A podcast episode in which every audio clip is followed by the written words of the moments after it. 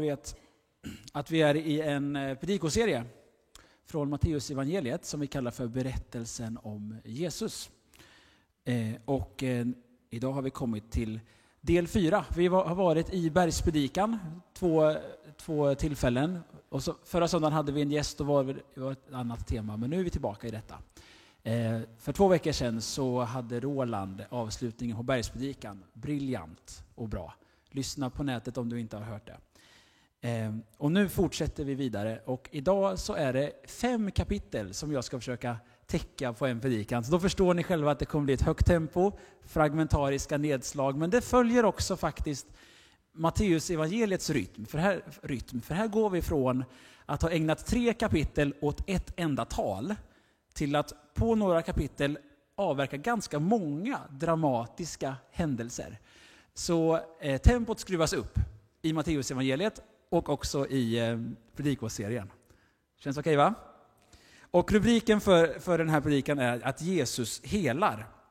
Och jag tänker att vi ska börja eh, från början i Matteus 8 och från vers 1. Texten kommer på skärmen, men var gärna med i din egen bibel också om du har. Är ni med?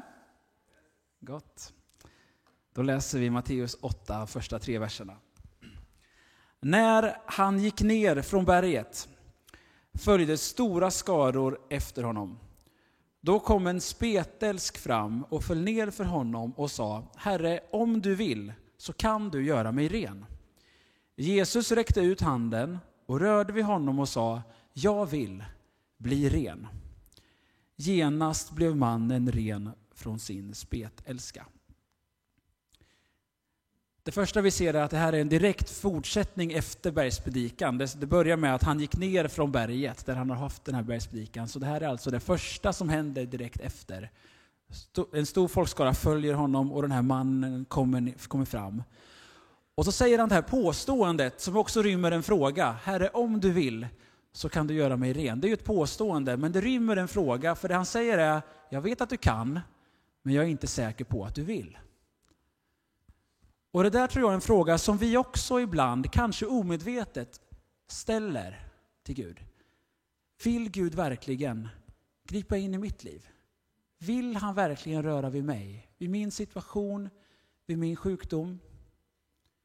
Eller är det så att jag kanske har diskvalificerat mig på något sätt, att jag har gjort för mycket dumt eller på annat sätt, eller att Gud bara inte vill? Ibland om vi har bett för någonting och inte sett det bönesvar som vi velat se, i alla fall inte direkt, så kan vi ibland också ha det som en förklaringsmodell för att förklara varför bönesvaret inte kom. Ja, men det var nog inte Guds vilja. Gud hade nog en annan tanke. Det fanns kanske en annan mening.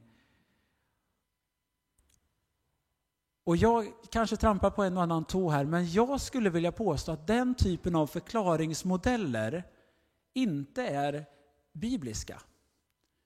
För det finns inget bibelord där vi ser att Jesus säger till någon att det är inte Guds vilja att du ska bli frisk. Eller jag vill inte bota dig. Eller den här sjukdomen har du fått av Gud för att du ska lära dig ödmjukhet eller uthållighet. Den typen av bibelord finns inte. Istället har vi här, när frågan ställs på sin spets, så svarar Jesus tydligt på frågan och säger ”Jag vill bli ren”. Och så läser vi att Jesus räckte ut handen och rörde vid honom. Och här bryter Jesus mot alla regler. För spetälska var ju en, en väldigt allvarlig hudsjukdom som också var oerhört smittsam. Och den som led av spetälska var tvungen att isolera sig från allt och alla, bo i ett speciellt läger utanför stan och om man mötte någon som var frisk på vägen var man tvungen att ropa på långt håll, oren, oren, så att alla skulle kunna hålla sig undan. Och man fick absolut inte röra vid den som var spetälsk. Ett fruktansvärt livsöde. Och så läser vi att Jesus räcker ut sin hand och rör vid honom. Och det är så här, jag tycker det är så, så starkt att den renhet som Jesus bär är av det slaget att när det rena rör vid det orena så blir inte det rena smutsigt. Det ofta är det ju så, har du en vit tröja på dig och så äter du köttfärssås så blir det rena smutsigt, eller hur?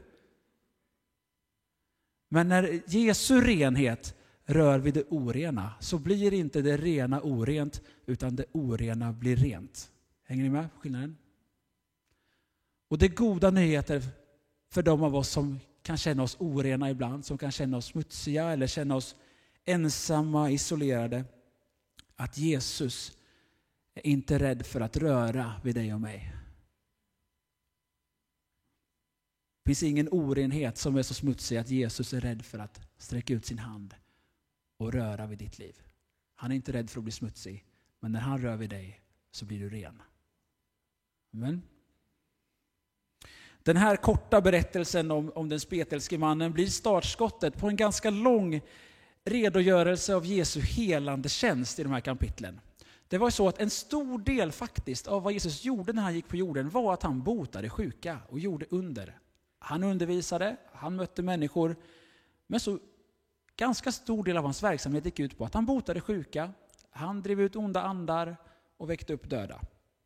Och det får vi en redogörelse för här, med flera specifika händelser och berättelser. Och det är faktiskt så att bara på de, här, på, på de två första kapitlen här, kapitel 8 och kapitel 9, så är det sammanlagt specifika berättelser där Jesus botar, ska vi se här, en spetälsk, två förlamade, en febersjuk, tre som är besatta av onda andar, två blinda, en blödarsjuk och han väcker upp en död i specifika berättelser, bara kapitel 8 och kapitel 9. Det liksom radas upp. Och till det så lägger vi också en sammanfattande redogörelse i kapitel 8, vers 16 och 17. Läser vi. När det blev kväll kom han till honom med många besatta och han drev ut de onda andarna med sitt ord och botade några av dem som var sjuka. Läste jag rätt? Jag provar igen då. Han drev ut de onda andarna med sitt ord och botade dem som hade stark tro. En sista gång. Han drev ut de onda andarna med sitt ord och botade alla som var sjuka. För att det som var sagt genom profeten Jesaja skulle uppfyllas. Han tog på sig våra svagheter och bar våra sjukdomar. Alla. Alltså när vi läser om Jesu helande tjänst så är Nya Testamentets redogörelse att han vill bota och att han botar alla.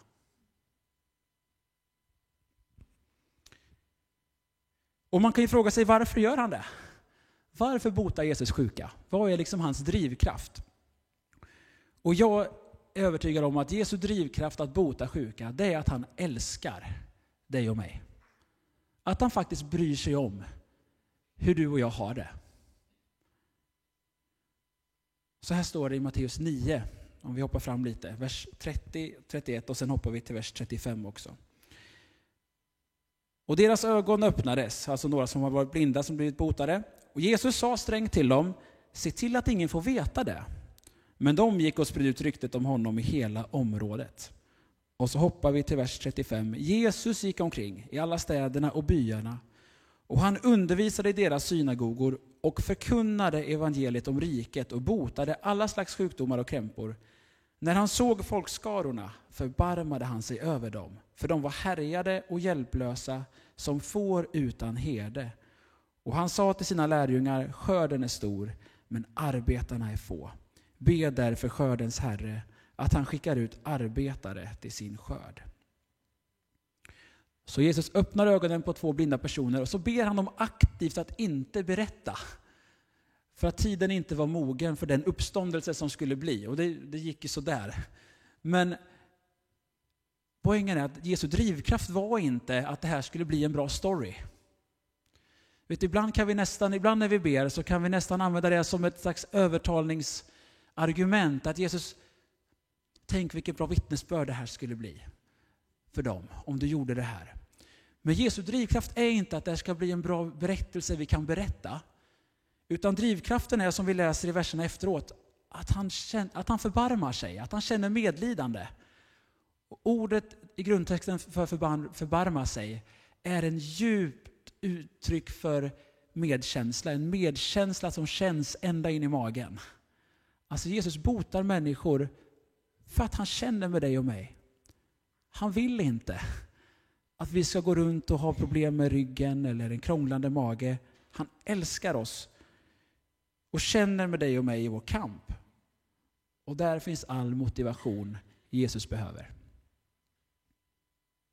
Låter det rimligt? Så långt? Kanske det här med att vi kan be för sjuka och att, att Gud kan bota sjuka också idag, helt nytt för dig. Kanske har du som jag varit med och bett för många till helande. Och, och om du har gjort det i många år så har du säkert sett många som blivit helade. Men kanske har du också, precis som jag, varit med om att du bett för någon som inte har blivit helad. Kanske. Eller kanske till och med troligtvis. Hur ska vi tänka kring det? För vi läser ju att Jesus vill bota och att Jesus botade alla. Ändå är vår erfarenhet att vi har bett för många som blivit helade, men vi har också varit med om att det inte har hänt, i alla fall inte på en gång eller på det sätt som vi har tänkt oss. Jag tror att en del av förklaringen är helt enkelt att du och jag inte är Jesus. Alltså Jesus är prototypen. I Jesus ser vi prototypen för en människa som är helt och hållet överlåten och helt och hållet uppfylld av den heliga Ande. Och jag är inte där än. Det tror jag är en förklaring. Sen tror jag att det kan finnas många saker som, som kan på olika sätt blockeras, som är svåra att komma åt. Ofta så är det ett mysterium. Som vi, om vi vill leva det här livet och följa Jesus och gå ut på vattnet och se honom göra det omöjliga, så behöver vi också lära oss leva med det mysteriet. Att ibland förstår vi inte, ibland vet vi inte. Ibland så talar man om, om tron som en förklaring, kanske att vi hade för svag tro. Och absolut, i de här kapitlen så nämns tron flera gånger som en viktig faktor. Men det är ändå inte heller hela svaret. I Markus 9 kan vi läsa en kort berättelse om en pappa som kommer till Jesus med sin pojk. Och det står så här att de kom med honom till Jesus och så snart anden fick se honom slet den och ryckte i pojken och han föll till marken och vred sig och tuggade fradga. Jesus frågade hans far, hur länge har det varit så med honom? Och fadern svarade, sedan han var barn. Ofta har den kastat honom i elden och i vattnet för att ta livet om, om, av honom. Men om du kan, så förbarma dig över oss och hjälp oss. Jesus sa till honom, om du kan, allt är möjligt för den som tror.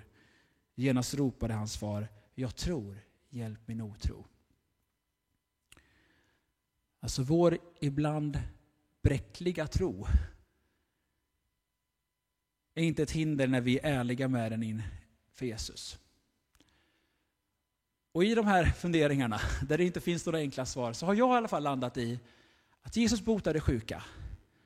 Och han har kallat oss att göra detsamma. Och jag har sett tillräckligt många fantastiska mirakler för att fortsätta be, fortsätta tro och fortsätta sträcka mig efter Jesus och att bli ännu mer lik honom. Och jag längtar efter den dagen vi också kan säga att alla som kom till Pingstkyrkan blev botade. Det är väl något att längta efter och sträcka sig efter.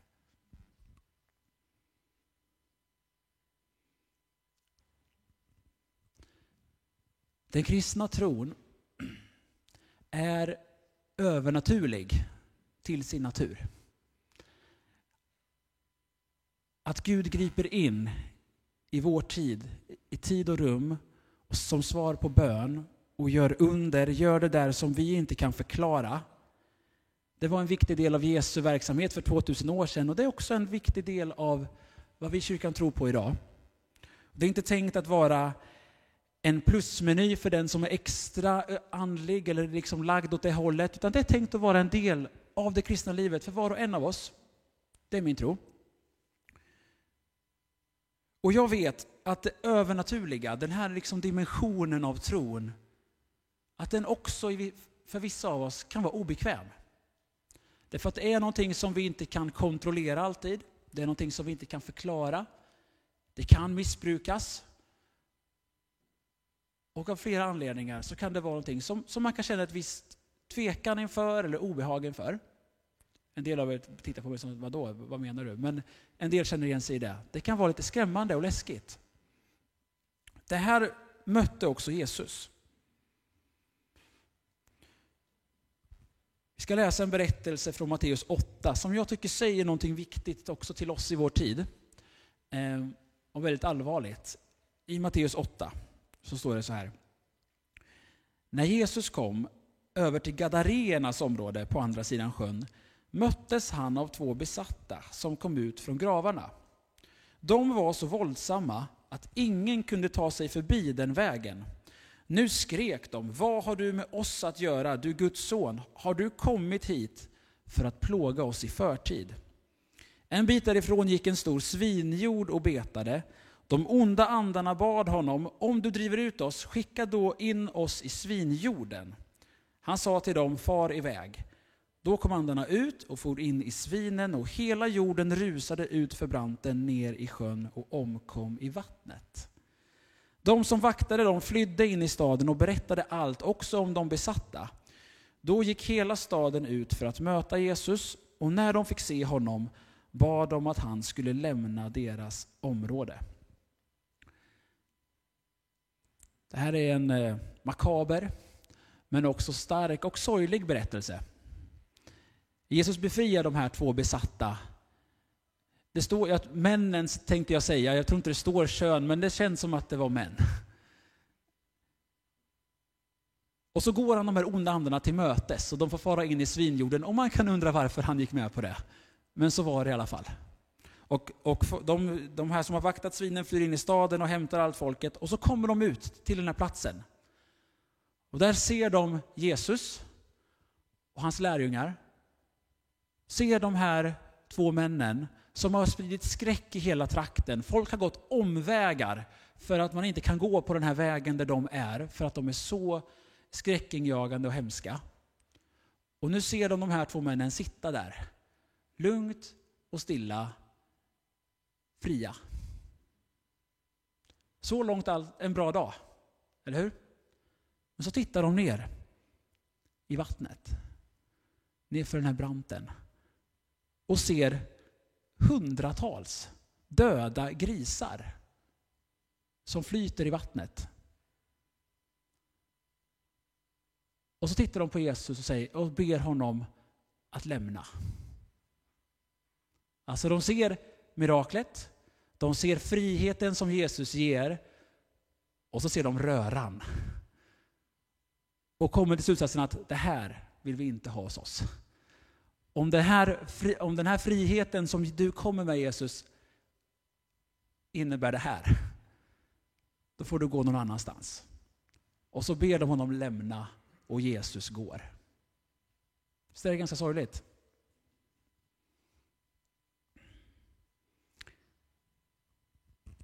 En del av er såg kanske den här, jag har pratat om den även förra veckan tror jag, men den här filmen som är aktuell nu på bio, Jesus Revolution, som handlar om Jesusrörelsen på 70-talet.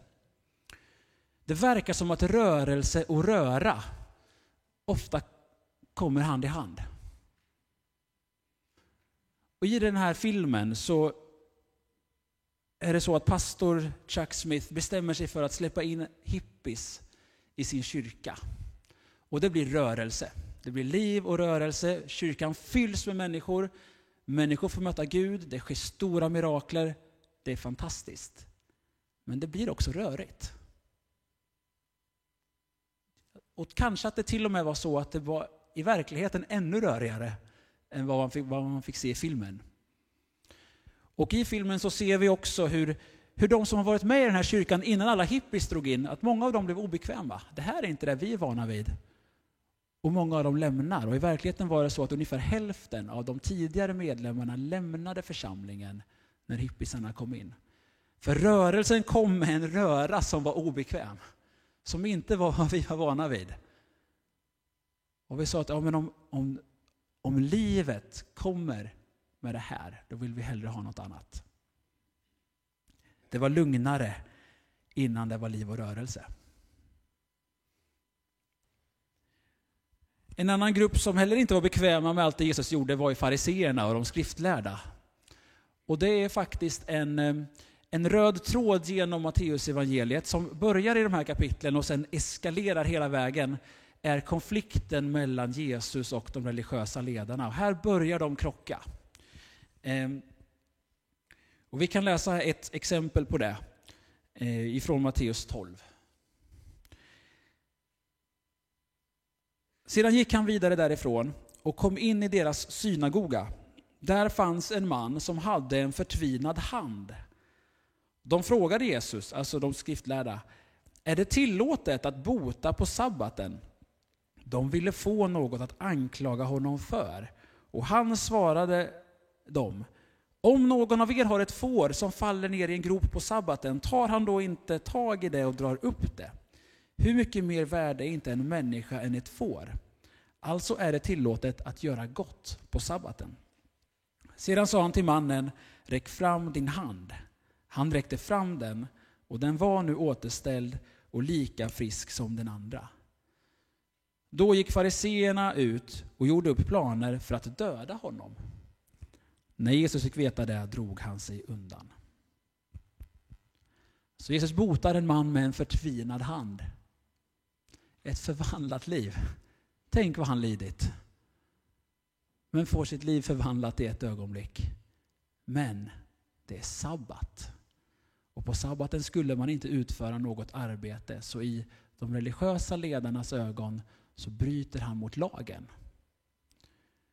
Och här ser vi igen hur rörelsen, livet, inte alltid passar in i människors ramar och boxar. Det är väl bra att han blir botad, men måste det ske på sabbaten? Och det blir så obekvämt, det blir så svårhanterligt att berättelsen tar den här vändningen från det här fantastiska miraklet till att fariseerna går ut ur salen och börjar göra upp planer för hur ska vi röja Jesus ur vägen.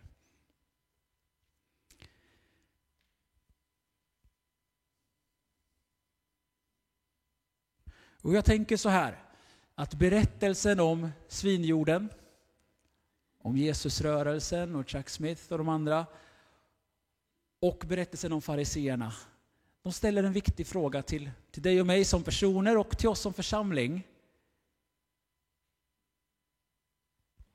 Det frågan är, vill vi ha det liv och den frihet Jesus ger? Vill vi ha kraften i hans blod? Även om det blir rörigt ibland. Även om det blir obekvämt ibland, om det utmanar vår bekvämlighet, även om det blir på ett sätt som jag inte är van vid, som jag inte har tänkt.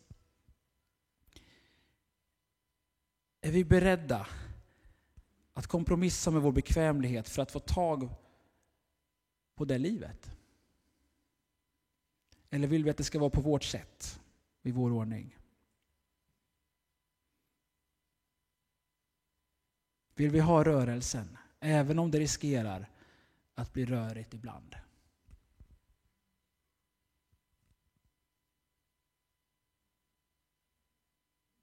Ni behöver inte svara nu alltså, men ni kan ju fundera på det. Rubriken för den här predikan är alltså att Jesus helar. Och det gör han.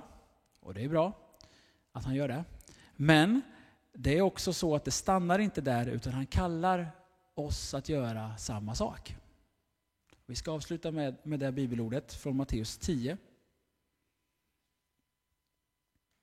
Jesus kallade till sig sina tolv lärjungar och gav dem makt att driva ut onda andar och att bota alla slags sjukdomar och krämpor. Där ni går fram ska ni predika, himmelriket är nära. Bota sjuka, uppväck döda, gör spetälska rena och driv ut onda andar. Det ni har fått som gåva ska ni ge som gåva. Jesus kallar till sig sina lärjungar. Har vi några lärjungar här idag? Någon som har bestämt sig för att ja, men jag vill efter bästa förmåga följa Jesus? Ja. Mm, flera stycken, gott. Han kallar till sig sina lärjungar och i den här texten, absolut, det syftar på specifikt på de tolv.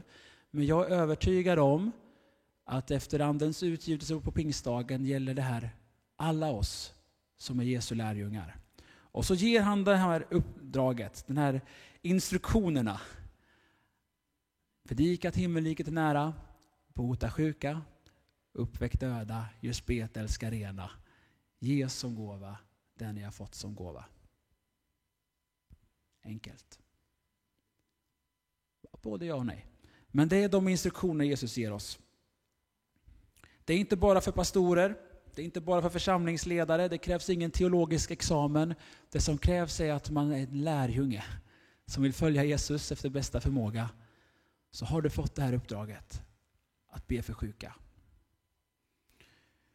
Och han är densamme.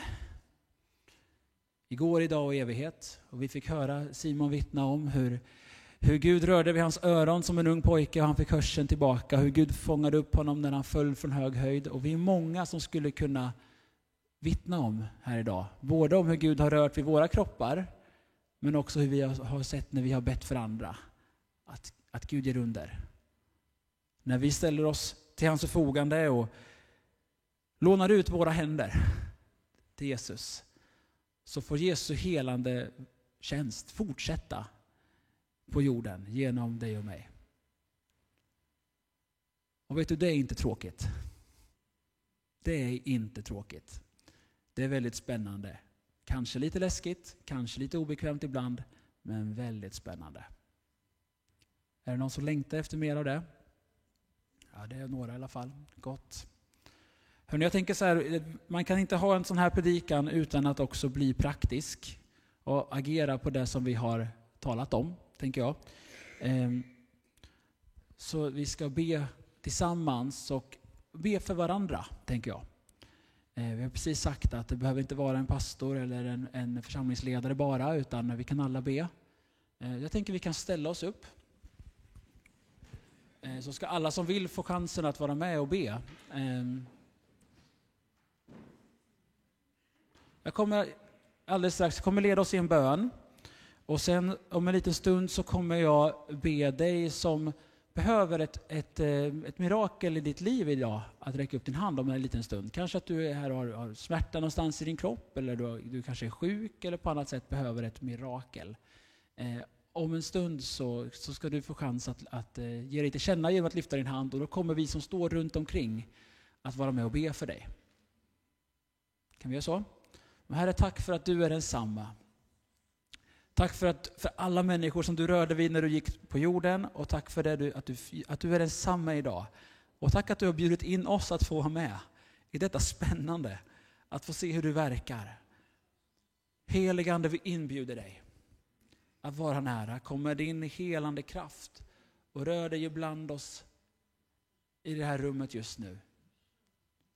Kom heligande. Tack att vi får bara ställa oss till ditt förfogande, att det är du som gör under, inte vi. Men tack att vi får vara med. Så om du behöver ett mirakel idag på något sätt. Du behöver inte redogöra för vad det är, men om du vill att någon ber för dig där du står idag, så lyft din hand. Jättebra. Lyft så att, så att vi kan se. Och så ni andra som inte lyfter era händer, se runt omkring. Om du står nära någon som har lyft sin hand så, så får du vara med och be. Och man kan lägga en hand på, eh, på ett lämpligt ställe. Eh, på en axel eller rygg. Och så ber vi tillsammans för de personerna just nu. Ta en liten stund och ber. Kom heligande. Tack att du är här för att röra vid människor. Tack att du är här för att röra vid ömmande ryggar och nackar.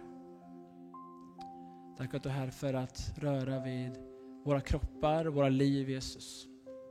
Kom heligande och gör ditt verk just nu. Vi ger dig all ära Jesus, allt handlar om dig. Vi talar till smärta att gå i Jesu namn. Vi talar till sjukdom att gå i Jesu namn.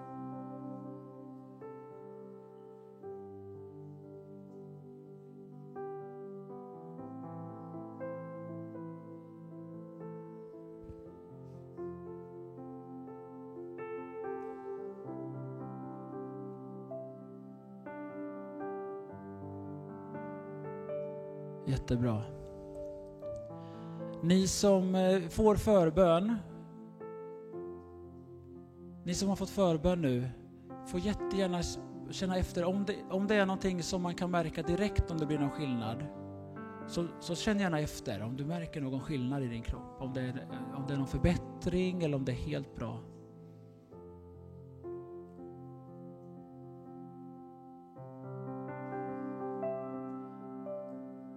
Är det någon som redan nu märker en förbättring eller, eller skillnad? Så ge det gärna till känna. Okej.